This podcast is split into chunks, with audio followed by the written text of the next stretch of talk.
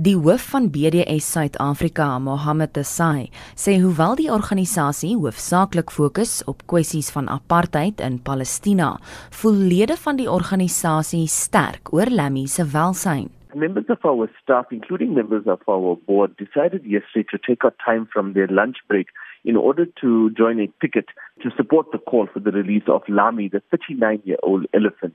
Members of the organization felt very passionate about the plight of this elephant that has been born into captivity, her parents having been snatched from the wild, them having died just one year after each other, and her brother also having died in captivity. Her companion died two weeks ago, and ever since that she's been in a state of mourning. Verskeie kenners en dierewelsynorganisasies meen die beste koers van aksie is vir Lammy om na 'n wildreservaat verskuif te word.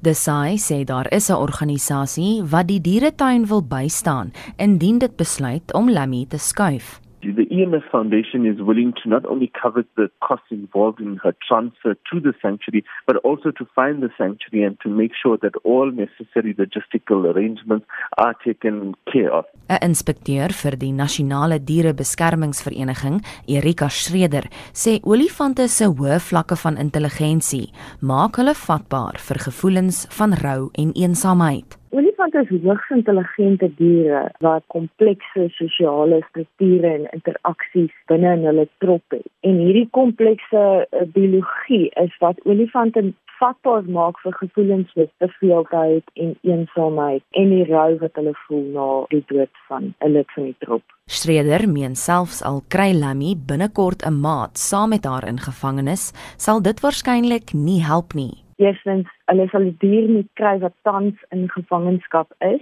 en wat reeds in 'n geïntegreerde groep is.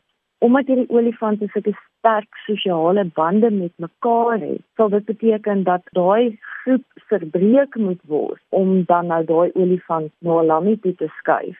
En die ander probleem is is as daar 'n olifant na die dieretuin toe gevat word, dan gaan net dieselfde situasie homself later weer herhaal. Sy sê die dieretuin sal Lammy se verskuiwing moet oorweeg.